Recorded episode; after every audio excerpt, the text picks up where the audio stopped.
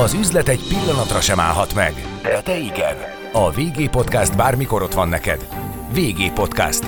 Becsatornáz a piaci hírek, pénzügyek, gazdasági trendek világába. Üdvözlök mindenkit, Andor Attila vagyok. Érdekes fejlemények elé néz az aranypiac, azt gondolom ezt mindenképpen lehet mondani. Azért egyenlőre nyilvánvalóan az arany menekülő státusza is megmaradt, amellett, hogy egy abszolút napi befektetésre alkalmas eszközről beszélünk immár év ezredek óta. A stúdióban velem szemben Schmidt Kálmán, a Magyar Aranypiac Kft. ügyvezető igazgatója. Üdvözlöm! Üdvözlöm, üdvözlöm a hallgatókat is! VG Podcast. Becsatornáz a piaci hírek, pénzügyek, gazdasági trendek világába. VG Podcast. Üzletre hangoló.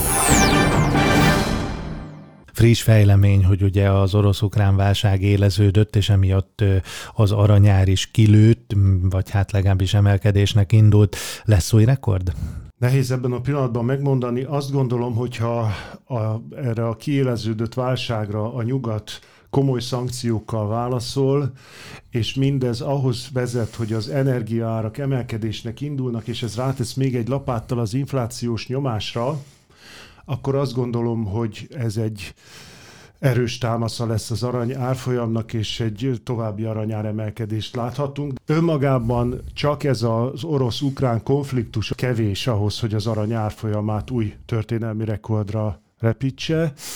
Egy évig 1800 dollárnál ingadozott az árfolyam, egy kicsit föl, egy kicsit le, igazán nagy mozgásokat nem láttunk.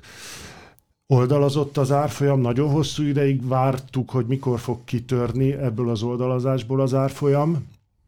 Előbb vagy utóbb ennek be kellett következni, ez törvényszerű. Most kitört. És most bekövetkezett ugye az orosz-ukrán helyzet eredményeként, és ez a kitörés statisztikai értelemben, piactechnikai értelemben azt valószínűsíti, hogy az emelkedés tovább fog folytatódni. Tehát ha most fogadni kéne, akkor nagyobb tétet mernék tenni a fogadásra, az, az, az emelkedésre, mint az esésre.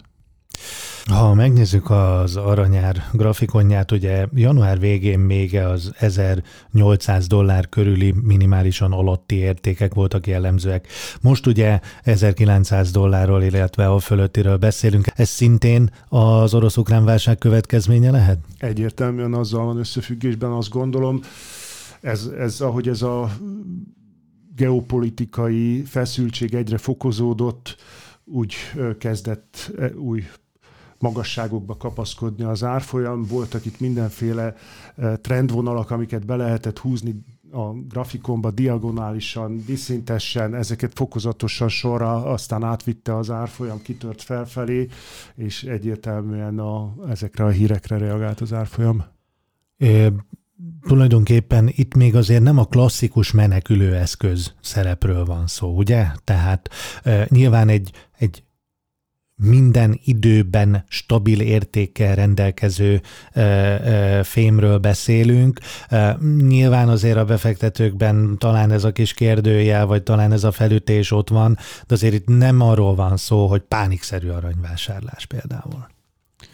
Hát direkt hirtelen pánikot azt azért így nem mondanék, de viszont egy permanens pánikban vagyunk most már másfél éve lehet mondani. A magyarországi piacot illetően, illetve hát a befektetési aranypiacát illetően, illetve hát az egész európai piacra el lehet mondani, hogy valamikor 2019-ben az imént említett kínai, amerikai gazdasági háború eredményeként egyre növekedett az érdeklődés az arany iránt, egyre fokozódott, érezték a feszültség a világban, egyre többen érezték azt, hogy hogy szükség van egyfajta vésztartalékra, a Magyar Nemzeti Bank is aranyat vásárolt több lépésben, és ez nem volt egyedül az MNB, más nemzeti bankok is hasonlóan cselekedtek szerte a világban.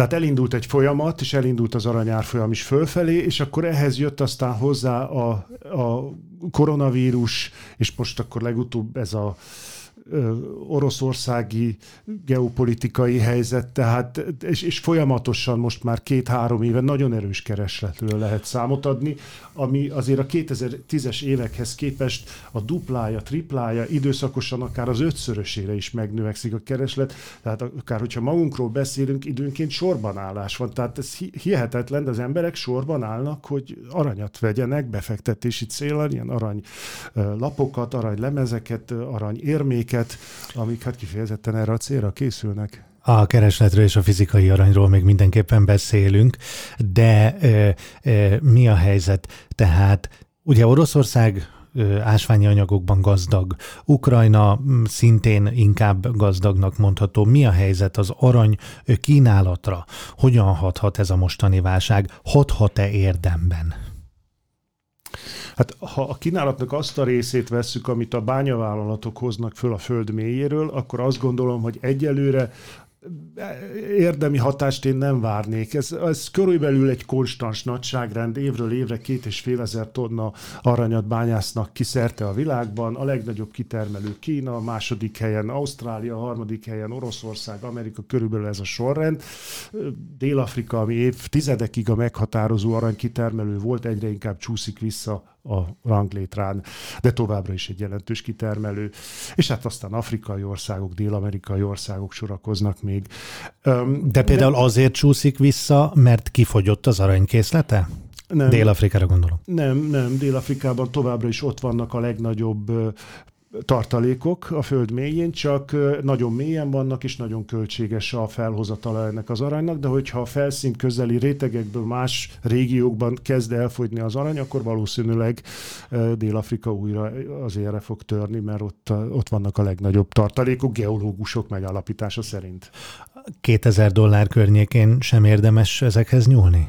Egy ilyen kiugró, egy ilyen árfolyam drágulás okozhat átrendeződést például? Nem régen beszélgettünk, és akkor azt mondta, hogy az orosz arany döntően az orosz belpiacra megy, ott használják fel. Mondjuk 2000 dollár fölött esetleg nem lehet, hogy érdemes elgondolkozni az oroszoknak azon, hogy hát elég szép summát kaphatnának, ha exportálnának is. Vagy ez nem ilyen egyszerű? Hát egyrészt azt gondolom, hogy azért annyira nem egyszerű, de másfelől meg az visszakanyarodva, hogy, hogy mit érdemes kitermelni, de hogy nem. Tehát, hogyha fölmegy az aranyár 2000 dollárra és a fölé, akkor nyilván érdemes még a meddőhányokat is újra átrostálni. De egy ekkora mértékű emelkedés elég? Igen, igen. Te, hogy ne, tehát a, az, a kitermelés átlagos költsége valahol tudomásom szerint 1200-1300 dollár környékén van per uncia, hogyha leesik az aranyár 1300 dollár alá, akkor nem éri meg a bányáknak kitermelni. Persze valószínűleg nem fognak igazán leállni, tehát van egy tehetetlenség a rendszerben, és, és folytatják a tevékenységünket, tevékenységet óhatatlanul, illetve hát azért az átlaghoz hozzátartozik, hogy vannak olyan bányák, ahol 1500 dollárba kerül egy uncia, és állítólag vannak kínai bányák, ahol csupán 400 dollárba kerül egy uncia aranyat a föld mélyéről fölhozni, tehát nyilván a kitermelés azért zajlik tovább. De én azt gondolom, hogy ha fölmegy az aranyár 2000 dollár fölé, akkor egészen, tehát olyan lelőhelyek, ahol, ahol ritkább a fém előfordulása, azokat is megéri kibányászni, kitermelni. Most azért ez nyilván egy bányanyitás az nem egy nap, meg nem is egy hét, de ugye, hogyha régi gazdasági törvényszerűség, hogyha a kínálat nő, és hogyha mondjuk új bányákat nyitnak, akkor nő a kínálat, akkor az letöri az árat. Ö, így van. Tehát ezért ez egy ilyen ördögi kör, nem? Igen. Ha És ki tudja, hogy a kereslet meddig lesz mondjuk extrém módon felfokozott. Hát igen, szokták mondani, hogy a a magas ár legnagyobb ellensége maga a magas ár, mert akkor igen, tehát akkor a kínálat megnövekszik, és hát az eladók is színre lépnek, nem csak a bányák, hanem azok, akik korábban aranyat vásároltak, ilyenkor a, a tört arany felhozatal, az szokott még megugrani, előkerülnek az ékszeres dobozból a nem használt ékszerek, és a házi asszony azt mondja, hogy a hoppá, ezért a, a, a, a gyűrűért, amit már rég nem hordok, ennyi pénzt lehet kapni, hát akkor elviszem az aciba és eladom, tudom. De és sok akkor arany van például mondjuk a magyar lakosságnál, erre nyilván nincs statisztika, vagy nem tudom, hogy van-e statisztika, de talán valamiféle becslés van, amit egy a, a pályán lévő szakember tud mondani, nem? Hát vannak különböző becslések, most nem, de hát ezek tényleg olyan becslések, hogy azt nem tudom, hogy mennyire van értelme ebben elmélyedni, de én azt gondolom, hogy igen van, tehát azért elég jelentős aranytartaléka van a magyar lakosságnak, ékszerek formájában, és hát az elmúlt 15 évben most már az úgynevezett befektetési arany formájában is. Hát rengeteg arany, amióta megnyílt ez a piac 2004 után a, az uniós csatlakozásunk óta, akkortól áf, ismeri el a magyar jogrend az áfamentes befektetési aranyat, mint befektetési lehetőséget. Azelőtt az aranyon áfa volt, 27 százalék áfa volt, minden nemű aranyon, az ékszer arany most is 27 százalék áfa van, de a befektetési arany áfa mentes, akkor indult el igazán ez a piac, és azóta rengeteg arany áramlott be az országba, és hát rengeteg ember fedezte fel ezt a fajta befektetési, megtakarítási, kincsképzési lehetőséget. Na, ez egy nagyon jó kifejezés, amit mond, hogy kincsképzési lehetőség, és azt gondolom ez a, az arany hangulatát, ha lehet így egy, egy befektetési eszközről, egy ritka nemes fémről beszélni, ez jól e, leírja. E, ugye említette azt, hogy, hogy sorban állnak e, e, kis túlzással, hogy a fizikai aranyat vegyék. Nyilván e, időnként beszélgetnek ügyfelekkel. Mi a motiváció? Kincsképzés, tetszik, tartós, már az ősember is, ennek bármi van, megmarad az értéke. Láttunk már ilyet a történelemben sajnos néhányszor, és nem sorolom tovább a lehetőségeket, a motivációkat.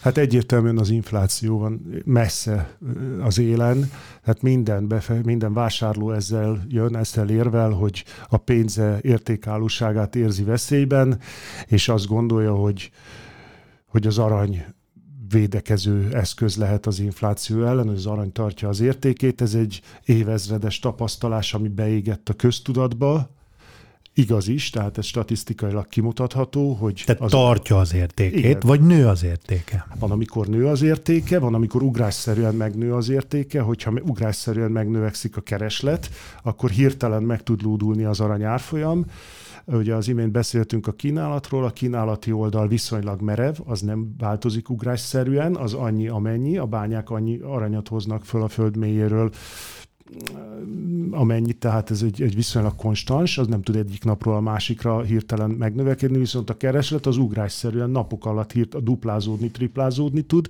és hát ez... Ezt rövid távon le lehet követni kereskedőként? Hát igen, persze.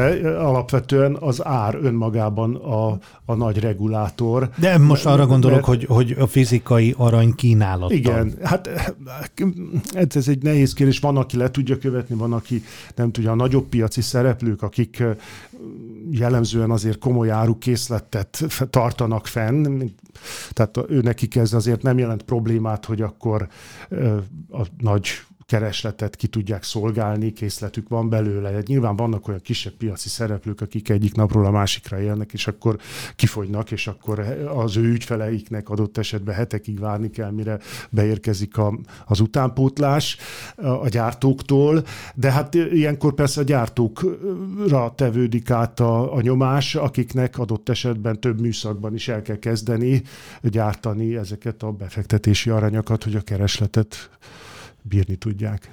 Ö, nyilván nagyon nagy a tólik határ, de ö, amit egy átlagos magyar magánbefektető, aki pontosan a tradíciók miatt, kincsképzés, infláció miatt azt mondja, hogy ő szeretne fizikai aranyat tartani, szeretne, ha lenne neki, mit tud általában megvásárolni. Gondolom nem ezeket a klasszikus jegybanki aranyrudakat, azért az egy kicsit talán túlzás lehet, nem? Igen, én azt hiszem, hogy, hogy nem nagyon van olyan magánbefektető, akinek egyáltalán ez megfelelő lenne. Ugye... De, de akkor az értéke most árfolyamtól szinte függetlenül, hogy gondolom, hát nehezen kereskedhető is, nem? Igen, tehát hát azt tippességgel még lehetne vele kereskedni, de a, a, azért ezek a nagy jegybanki arany téglák, azok tényleg, tényleg akkorák, mint egy tégla, azért az egy 400 uncia, durván 12,5 kilót jelent ez a 400 uncia, 12,5 kiló az 250 millió forint, tehát azért az elég ritka, hogy valakinek ennyi pénze legyen, amit pont aranyba akar elhelyezni, és, és, és akkor ez lenne számára a jó alternatíva. Olyannal találkozunk mi, aki 200 milliót fektet aranyba, de azért azt mégis inkább egy kilós méretekben teszi meg, hiszen hát azt a rugalmasságot azért azt gondolom, hogy célszerű megtartani, hogy mert ez egy, ilyen, egy, egy tömböt csak egybe lehet eladni, Igen. nem lehet belőle farigcsálni egy darabot, tehát akkor ha aztán szüksége van 30 millió forintra, akkor ne kelljen már eladni azt a 250 millió forintos nagy téglát, hanem akkor három tömböt ad el mondjuk a, a kisebbek közül. Ezt tanácsolnám is mindenkinek, aki ilyen befektetésen gondolkozik, hogy azt fontolja meg, hogy a megtakarított pénzét, amit erre szánna, abból egy nagyobb tömböt vásárol, mert az azért röghöz köt, hanem az, én azt gondolom, hogy a jobb megoldás több bet venni, több kisebbet venni, mert akkor azért az a rugalmasság az eladásnál megvan, hogy nem az egészet kell eladni, hanem csak egy részét adja el az ember. Itt most ez a röghöz köt, ez azt gondolom, hogy kivételesen jó értelemben, mert aranyröghöz kötődni nem biztos, hogy a rossz dolog, még ha eladni adott esetben nehéz is, nem? Tehát, Igen. Um, Hát azt mondja, hogy egyértelműen nő a lakosság kezében lévő arany mennyisége. Mi a helyzet egyébként a jegybanki aranyvásárlásokkal? Tehát ugye időnként lehet hallani, hogy, hogy ugye változatlanul az arany tartalék az, az, egy, az egy nagyon domináns vonulat, amiben a, a, a tulajdonképpen nyomtatott pénz ellenértékét a jegybankok tartják. De e, e, itt azért tonnákról, sok-sok tonnáról van szó. Egy ilyen vásárlás vagy eladás tudja mozgatni a piaci árat, vagy egy teljesen más piacon dolgoznak ők? Hát ők egy más piacon dolgoznak, de abszolút tudja minden direkt, közvetlenül is tudja befolyásolni azért egy-egy ilyen nagy bevásárlás az arany árfolyamát. Indirekt meg annál inkább azáltal, hogy a lakosság felfigyel, amennyiben ez ugye bekerül a médiába, és ennek hírértéke van, lakosság erre felfigyel, elgondolkozik, hogy vajon miért vett a jegybankaranyat, vagy egyik vagy másik jegybankaranyat, és, és akkor úgy gondolja, hogy hát azért ott képzett, okos emberek ülnek, és ha úgy gondolták, hogy nekik ez jó, akkor talán nekem is jó, és ezért saját maga is rászánja magát arra, hogy a saját kis aranytartalékát elkezdje felépíteni.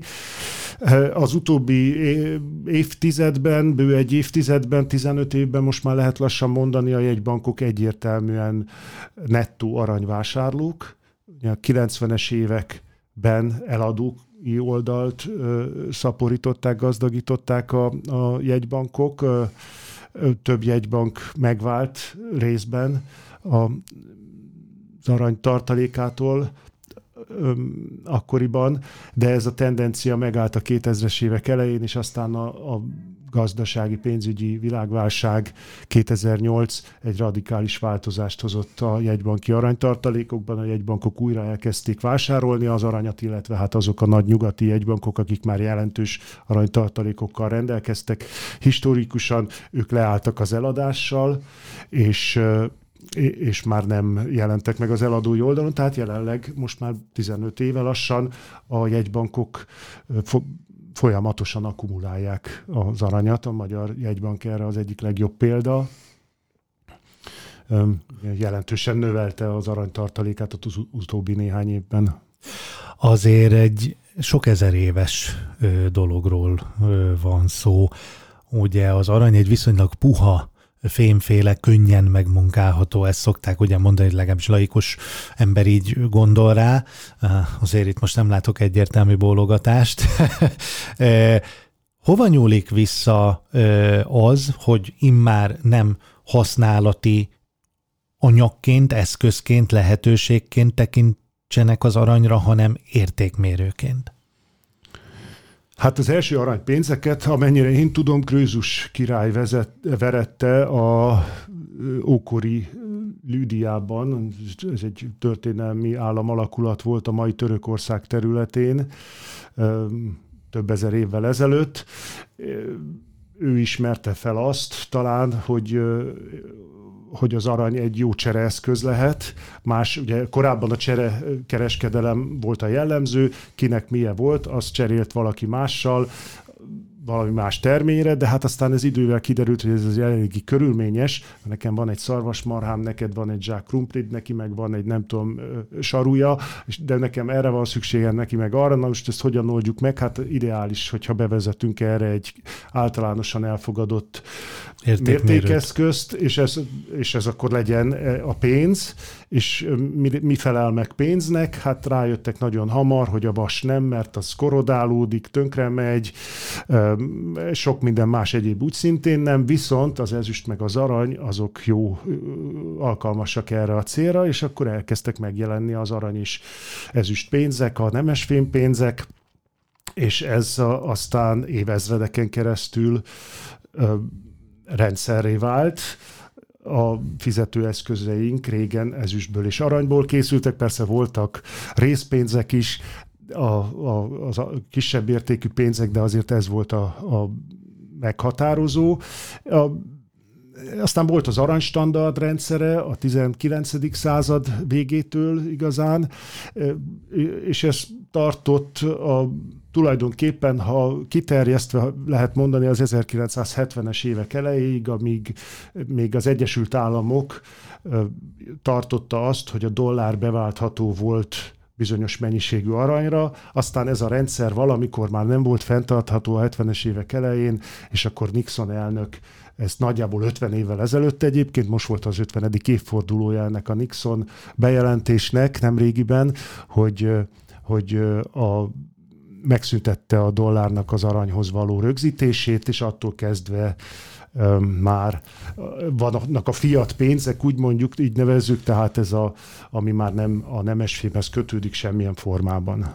De, de a tartalék mégiscsak aranyban van. Hát egy része van a tartaléknak aranyban. Igen, igen azt az arany, ugye historikusan a, a, a jegybankokban továbbra is ott van, az Egyesült Államoknak van a legnagyobb aranytartaléka, aztán következik Németország, a Nemzetközi Valuta Alap, Franciaország, és így tovább, Oroszország is most már az utóbbi években a folyamatos aranyvásárlásaival előkelő helyre jött fel, és hát Magyarország is a korábbi nagyon mély mélységből a középmezőnyre beküzdötte vissza magát.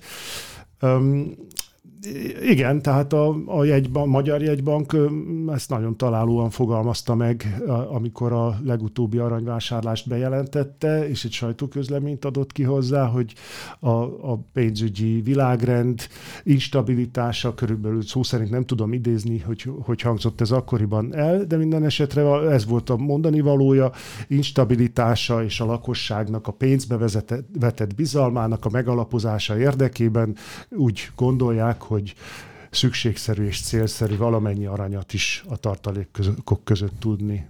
A beszélgetést úgy kezdtük, hogy azért egy vélt konkurencia, vagy sokak által vélt konkurencia is megjelent a kriptoeszközök eh, világa. Eh, sokat lehetett arról olvasni, hogy egy új arany van születőben, elérkezett a digitális arany időszaka, eh, sokan ugye a százezres, százezer dolláros értékű bitcoint vizionáltak, egyenlőre nem lett igazuk. Lehet érzékelni valamit az aranypiacán abból, hogy, hogy a kriptoeszközök megjelentek, vagy pedig, vagy pedig most azt ugye nehéz kimutatni, hogy mennyi pénz áramlana be az aranypiacára, hogyha nem lenne OTP részvény, meg bitcoin, meg és a, nagyjából a sort a végtelenségig lehetne folytatni. Hát ha semmi más befektetési alternatíva nem lenne, akkor nyilván Jó, nyilván, sokkal igen, több pénz igen. folyna az aranyba, befektetési célú aranyba. Én őszintén szóval nem vagyok nem értek egyet ezzel a szembeállítással az arany és a bitcoin között, és a párhuzamokat is nagyon nem nagyon látom. Tehát abban van kétségtelen párhuzam, hogy a bitcoinnak is limitálva van a mennyisége, és ezért a, azt mondják, hogy a, a bitcoin nem tud inflálódni, ahogy az arany sem inflálódik, mert véges az előfordulása.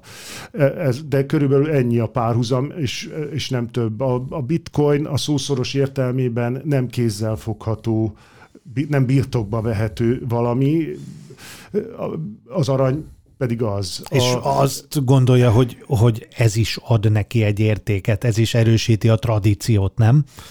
Hát én csak azt Bármi mondom, gond esetén berakom a zsebembe, és ennek azért lesz értéke. Hát igen. Ugye sajnos a történelem ezt többször megmutatta, hiperinfláció, stb. stb. sok alkalommal. Igen, de én legfőképpen azt akarom, hogy én mondani, hogy én, én inkább több ellentétet látok a két eszköz között, mint hasonlóságot. Az Úgy... nagyon érdekes, hogy, hogy az egyik eszköznél van egy, egy hihetetlen régi, tradicionális vonulat, um, tényleg ez a mindig érték volt, és ezt nyilván ezt a gondolatkört nagyon sok oldalról megközelíthetjük.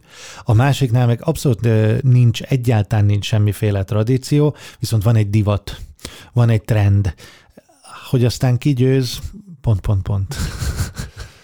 Persze, hát ezt nem tudjuk, és, és, és én nem is akarok abban nagyon belebocsátkozni, hogy kritizáljam a kriptodevizákat, tehát Nyilván mindenki szóval oda teszi tudom, a pénzét, nem tudom igazán akarja. megítélni. Az, az kérdést vet föl bennem, hogy mi a mögöttes érték, mi a mögöttes fedezet. Egy, és ugye nagyon még a, a, a kriptodevizáknak van egy 20 éves piaca, vagy még annyi sem, meg múltja, nem nagyon, tehát ez még nagyon kevés ahhoz, hogy a jövőjét megítéljük, hogy, hogy ez hogyan fog alakulni, hogy több ez egy múló hype-nál lesz ebből valami, és nem tudom, tehát az, az nem is kérdés, hogy maga a technológia, amit a bitcoin bemutatott az utóbbi években, ami a mögöttes ezek a ez a blokklánc technológia, hogy ez egy érdekes technológia, és sokféle alkalmazása lehet, sokféle területen a világban.